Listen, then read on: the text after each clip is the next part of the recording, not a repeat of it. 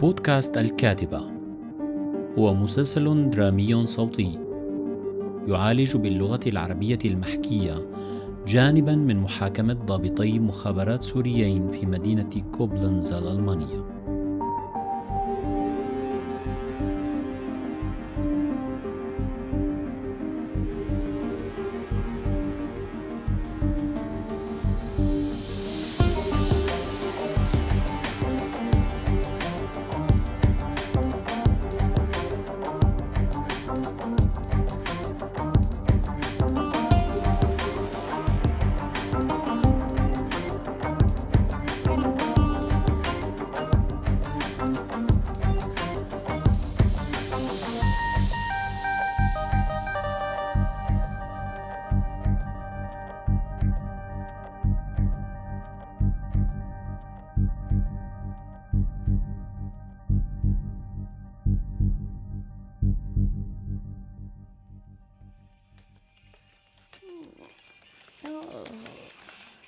صباح الخيرات حبيبي. صباح النور حياتي. قهوتك جاهزة وساخنة. أنت لو شلت عينك عن الشاشة وطلعت فيني كنت شفت الفنجان بإيدي. بشو مشغول على النت؟ طولتي بالنومة فقلت بدور على شوية مواد صور مقالات. في مقالات كتير بس صور كتير ما بظن. خبرتك مشان قرار القاضية بالجلسات الأولى أنه ما يكون في لا تصوير ولا حتى فيديو. شكلك صرت مدمن على الموضوع ها؟ تعال اعترف لك اعتراف تستاهله. الله يستر. هاتي لشوف. بشكل ما كان عندي أمل من لما بلشت المحاكمة إنك تتورط بالموضوع لأني بعرف إنه في شوية محلات أنت مسكر عليها وما رضيت تحكي فيها حتى بعد ما تزوجنا. وتمنيت إنك تضللني عليها إذا انفتح الحديث بيناتنا. بس بصراحة ما توقعت هيك يصير. كيف يعني هيك؟ يعني ما توقعت تتورط بالموضوع وكمان توظف هاي المعلومات بمشروع فني. هذا حبيبي اسمه ذكاء وبنفس الوقت لسه ما أعطيتني شي من المعلومات اللي بعرف إنك محتفظ فيهم حتى تخلص رسم. والفكرة الثالثة اللي ما بعرف إذا أنت منتبه عليها صار لك كم يوم عم تسمع عربي؟ أنا فرحانة بهذا التغيير كتير. غريب. فكرت إنه مو كتير بيعنيك إذا بسمع عربي أو بحكي عربي. فكرت لازم تفرحي إني بشاركك كل شي بلغتك. ها لا. هذا الموضوع أنت فهمانه غلط. لا لا أبدا حتى بالعكس. بالنسبة إلي إنك ترفض لغتك وتفاصيل بلدك هو شي بيخوفني. يعني إنك عم تتنكر لهويتك أو تحاول تندمج بمجتمع جديد بيعني لي رفض لحالك ولحياتك قبل ما أعرفك. أنت سوري وبحب فيك اللي ما بيشبهني وكل ما كنت أقرب على حالك. وثقافتك وذوقك بالموسيقى بالأكل باللبس بحبك أكتر. نيالك عن جد. على شو؟ على قيمك. على إنه ما حدا أخذ منك شي بالغصب. وشوهك من جوا لصرتي ما تعرفي شو بدك تقبلي. نيالك على انفتاحك وصبرك لدرجة لدرجة بتنتظري مناسبة مثل هي لتحاكيني بهويتي وثقافتي السورية. هلأ ما عرفت إذا كنت عم تمدحني ولا عم ضايقك طبعا عم امدحك بس عم اشتكي لك بنفس الوقت. عم اشتكي لك حالنا نحن السوريين اللي طلعوا من بلدهم محملين بقصص ما بتنوصف.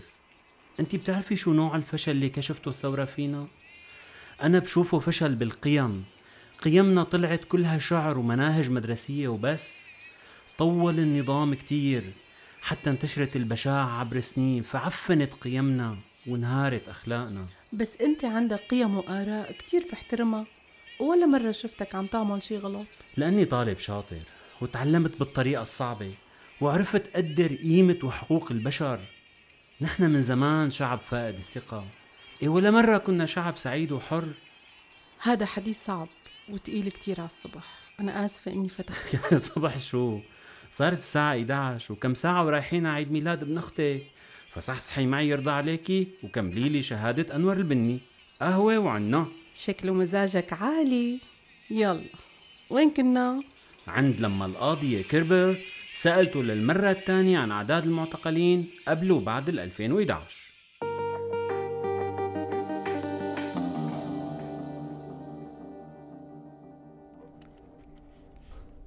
بعد إذن المحكمة قبل ما أشرح الفرق بالأعداد محتاج وضح نقطة بخصوص الفرعين الأمنيين اللي تكرر ذكرهم.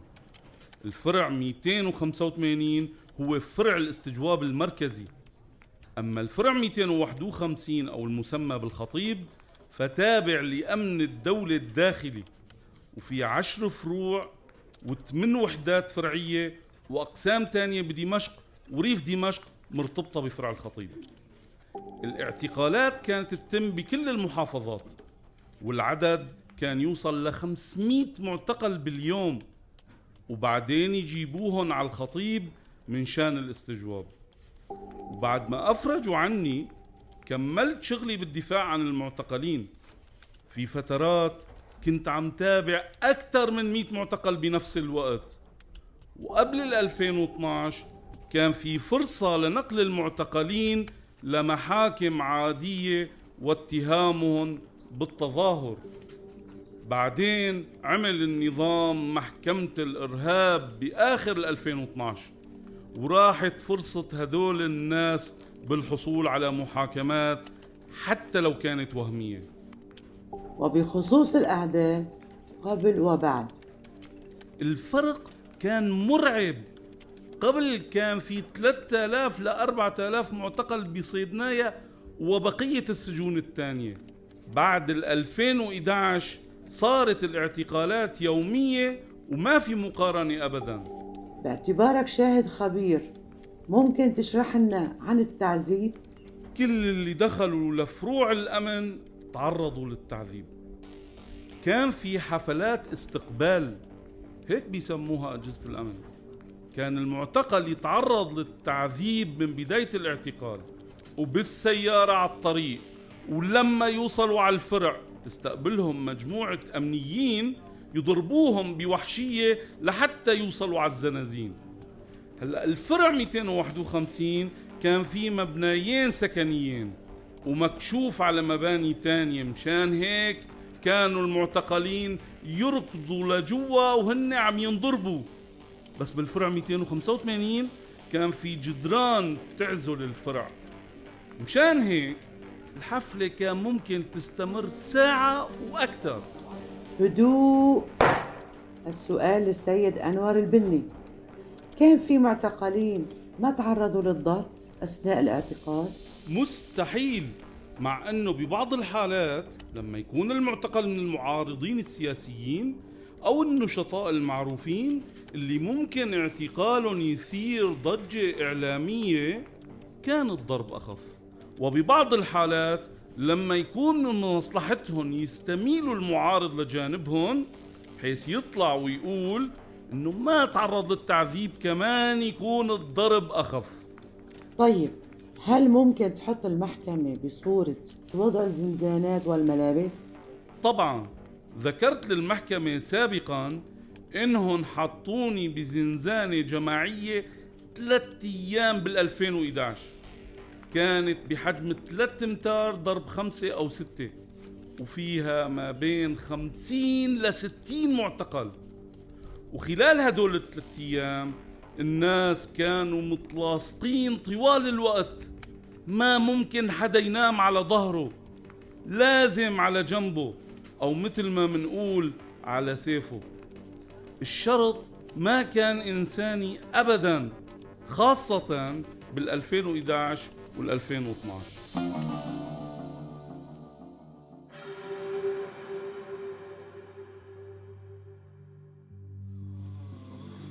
معليش أستاذ أنوار فيك تتسطح على ظهرك هي النوبة بس انتهى صح هون ما في واسطات بس في معزة واحترام. وانت والله بتستاهل. لك ما تشغل بالك فيني؟ ما بدي ضايق حدا.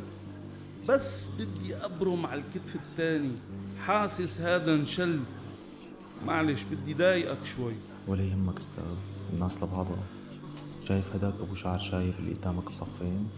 هذا أستاذ موسيقى. ضل غايب عن الوعي يومين بعد الحفلة ضلينا نقلبه يمين وشمال شمال ويمين لحتى صحي لك خفنا عليه يصحى يكون قاطع الدم عن إيده أو عن كفه أنو حفلة؟ لك حفلة الاستقبال اللي بيعملوها للمعتقلين وهن فايتين على الفرع. هي فيك تقول مثل المازة مقبلات قبل الوجبة الكبيرة. أول ما تنزل من سيارة الأمن بيلاقي لك شي 20 زلمة. وعلى خبطه وين بيوجعك؟ فكرت بس نحن أكلناها. قام قالوا لي الشباب اللي قبلنا إنه هي كاس على كل الناس. ليش؟ قديش صار لك هون؟ أنا صار لي شي أسبوعين ها ولسه حتى ما طلبت من حضرة الاستقبال. ليك ليك ظهري. ولا لك ما فيني ابرم هلا لفرجيك.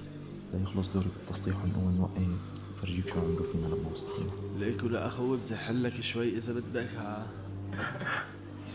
المترين هون عندي زيادة على جهتي. عم فكر ازرع فيهم بقدونس وصار آه أخوي وجهز لي هيك نفس أرجيلة مع الحبايب. آه. عم تنكت هلا. مو قلناها بلاها الهضامة تبعك. كنا مطحبشين وما حدا لقيان ضحكة بيغنى من إيه، شو بعمل لك ولا أخوي؟ دمي خفيف بعدين لك خيو. إذا بدنا نفطس ونفطس ما أحسن نفطس من الحكاية وبلكي قبل المسا كمان بلكي تروح علينا حفلة الاستجواب وصياح العلا آخ قلبي ما بقى يتحمل يا بدك. تقضيها أنت مياعة ومسخرة ضروري تذكروا. بكيتوا للزلمة صبوا واخرسوا لك. يا كلاب جايبينكم تفتحوا سياق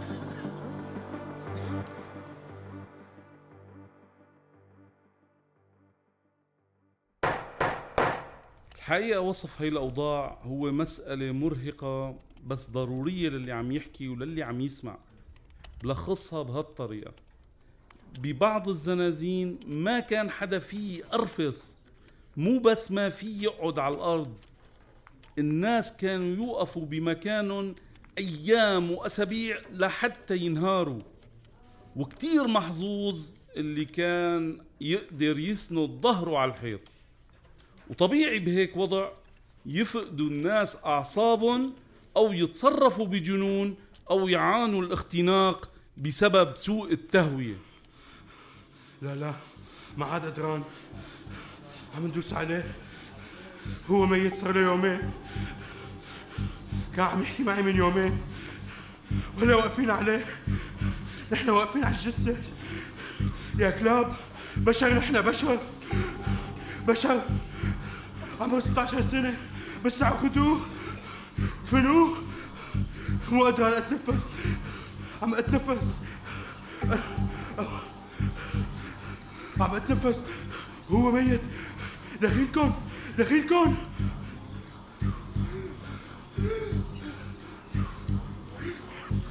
سكتوا إن شاء الله. عرفت شو عم يصير فينا؟ لك الصبر يا أخي الصبر خلاص شكله فصل ليش مين فينا ضل عاقل؟ سكتوا سكتوا هلا بفوتوا علينا؟ خلاص. لك سكتوا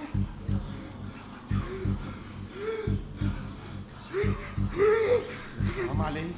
هلأ بياخذوك وما بترجع لا تبلينا. ياخذوني ياخذوني موتوني أنا هيك هيك ميت. ما بقى فرقانة بدي أخلص بدي أخلص.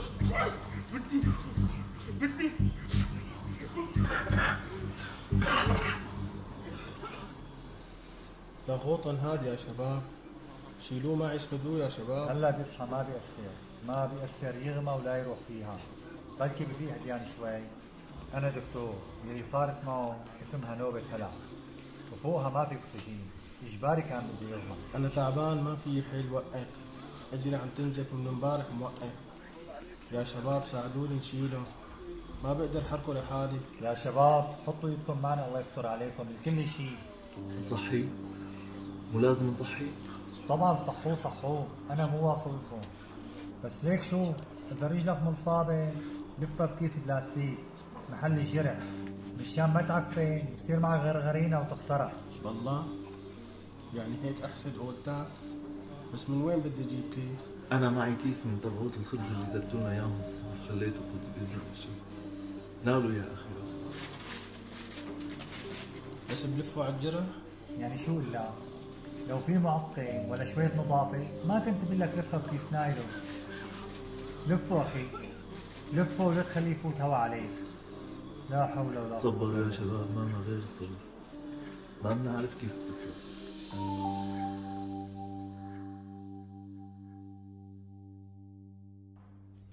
كان طبيعي يموت المعتقل وتضل جثته بمكانها أربعة أيام وتتحلل. وطبعا ما في رعاية صحية ولا علاج ولا وسائل نظافة. فيك تحكي لنا عن وضع الطعام بالسجن؟ الأكل كان عبارة عن خبز وبطاطا وأحيانا مربى ولبنة. هل كان الطعام كافي؟ أكيد لا ولا مرة بيكون كافي. ببعض الأحيان كانت الغرفة فيها خمسين شخص ولما يجوا السجانين ويرموا لنا الأكل بيرموا عشرين رغيف خبز وعشر قطع بطاطا لخمسين شخص. هذا واقع أنا شهدته وكل المعتقلين اللي دافعت عنهم أو شفتهم بعد ما طلعوا أكدوه. واحد من المعتقلين اللي شفتهم لما أخلي سبيله كان وزنه 40 كيلو. علما لما فات على السجن كان وزنه 80 كيلو. بعترض على هاي المعلومات غير الواضحة. ما عم أفهم الشاهد من وين عم يجيب معلوماته عن أكياس النايلون والترتيب الزمني غلط. الاعتراض مرفوض والشهادة دقيقة والتسلسل الزمني واضح والشاهد عما يذكر مصادره بوضوح. التجربة اللي عاشها وتجربة الموكلين اللي دافع عنهم ما بظن في أوضح من هيك. ممكن الشاهد يتابع. صديقي اعتقل لمدة 27 يوم ولما أطلقوا سراحه رحت فورا لشوفه.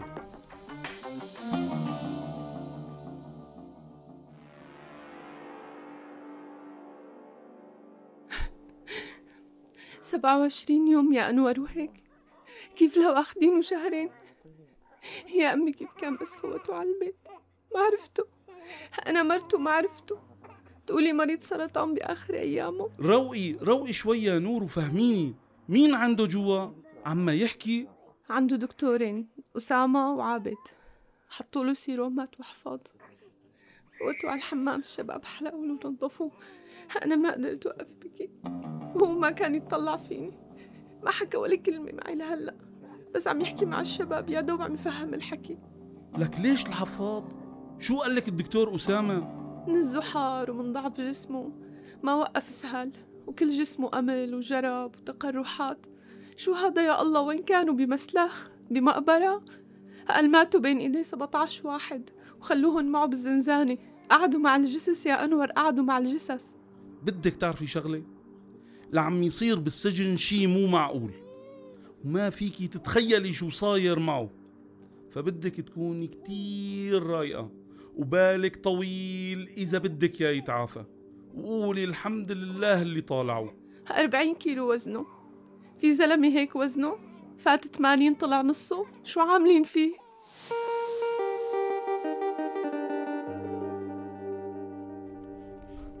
بعد إذن المحكمة هاي الشهادة لازم يتم التغاضي عنها. المعلومات مو دقيقة أبدا. وخارج موضوع المحاكمة. هاي المقاطعة الثانية من محامي الدفاع والادعاء يعتبرها صفاقة وتطاول على الشاهد والمحكمة كلها. المعلومات اللي تتقدم من قبل الشاهد دقيقة وبتمس مباشرة موضوع المحاكمة. محامي الدفاع هاي المقاطعة الثانية وأسبابك مرفوضة والشاهد يتابع لو سمحتوا الحقيقة بدي أوضح للمرة الثانية مصادر معلوماتي. قلت مسبقا كل التفاصيل الممكنة عن تجربتي الشخصية والباقي كله موثق مع المعتقلين اللي وكلوني دافع عنهم والمشاهدات الشخصية اللي لناس عاشوا التجربة. كنت قابل الموكلين بطريقي للمحكمة لما كانوا ينتظروا إحالتهم للفروع الأمنية. ولاحقا كنا نقدر نزورهم بالسجن. كانوا يوصلوا حافين وبلا ملابس أحيانا وما كان معهم مصاري ولا بيعرفوا كيف يوصلوا لعائلاتهم خاصة إذا ما كانوا ساكنين بدمشق. عندي سؤال للشاهد. ببيان المرافعة اللي قرأه المتهم أنور ببداية المحاكمة ذكر أن روسيا دربته على محاربة الإرهاب مثل الإسلاميين المتطرفين والقاعدة والنصرة. وذكر المتهم أنور أنه كان يحمي السفارات والدبلوماسيين الأجانب. ممكن كشاهد تخبرنا عن أفكارك بخصوص هذا الموضوع؟ شكرا حضرة المدعي كلينجي على هذا السؤال. بدي ذكر بأنه رئيس المتهم وبتمنى تترجم هيك. رئيسه وليس رئيسنا. اعترف إنه المظاهرات ببداية 2011 كانت سلمية. وما كان في وجود لهيك منظمات بسوريا فممكن يخبرنا السيد أنور رسلان عن أي منظمات عم يحكي بال 2011 وقبل؟ طبعا رح يستخدم موضوع التنظيمات الإسلامية ليكسب التعاطف الغربي ضد التنظيمات الإسلامية وداعش كأنه عم يقول إنه النظام سمح لي أعمل هيك بالمعتقلين والناس لحتى دافع عنكن انتو المجتمعات الغربية واضحة المسألة. التعذيب والضحايا والمفقودين مسألة حقيقية وموثقة. وملف قيصر أكبر دليل موثق. وعندكم شهادات المعتقلين وأسرهم والمختصين. وما زال المتهم مصر يدافع عن النظام وعن أفعاله كجزء من هالآلة. حضرتك الشاهد الخبير هل كان عندك صلة مع تنظيمات متطرفة؟ سبق وذكرت للمحكمة أني أصلا مسيحي.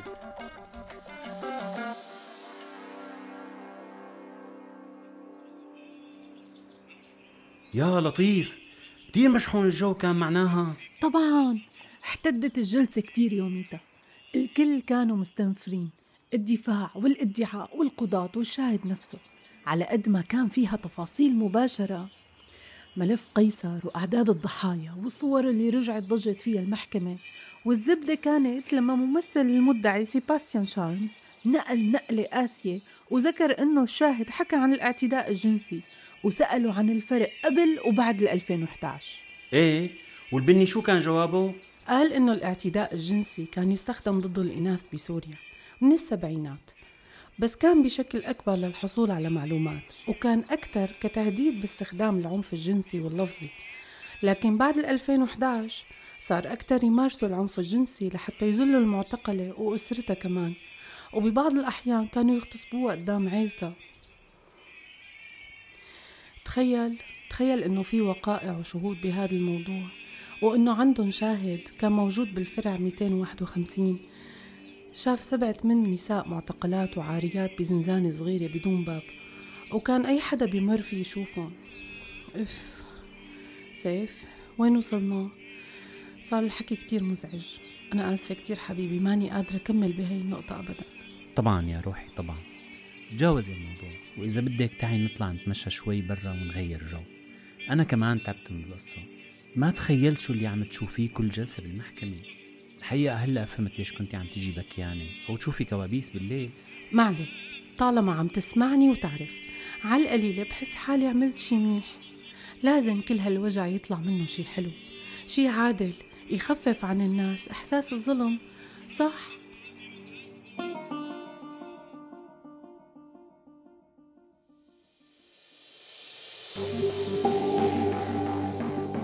أنتج هذا المحتوى الصوتي بدعم وتمويل من مؤسسة هاينرش بيل.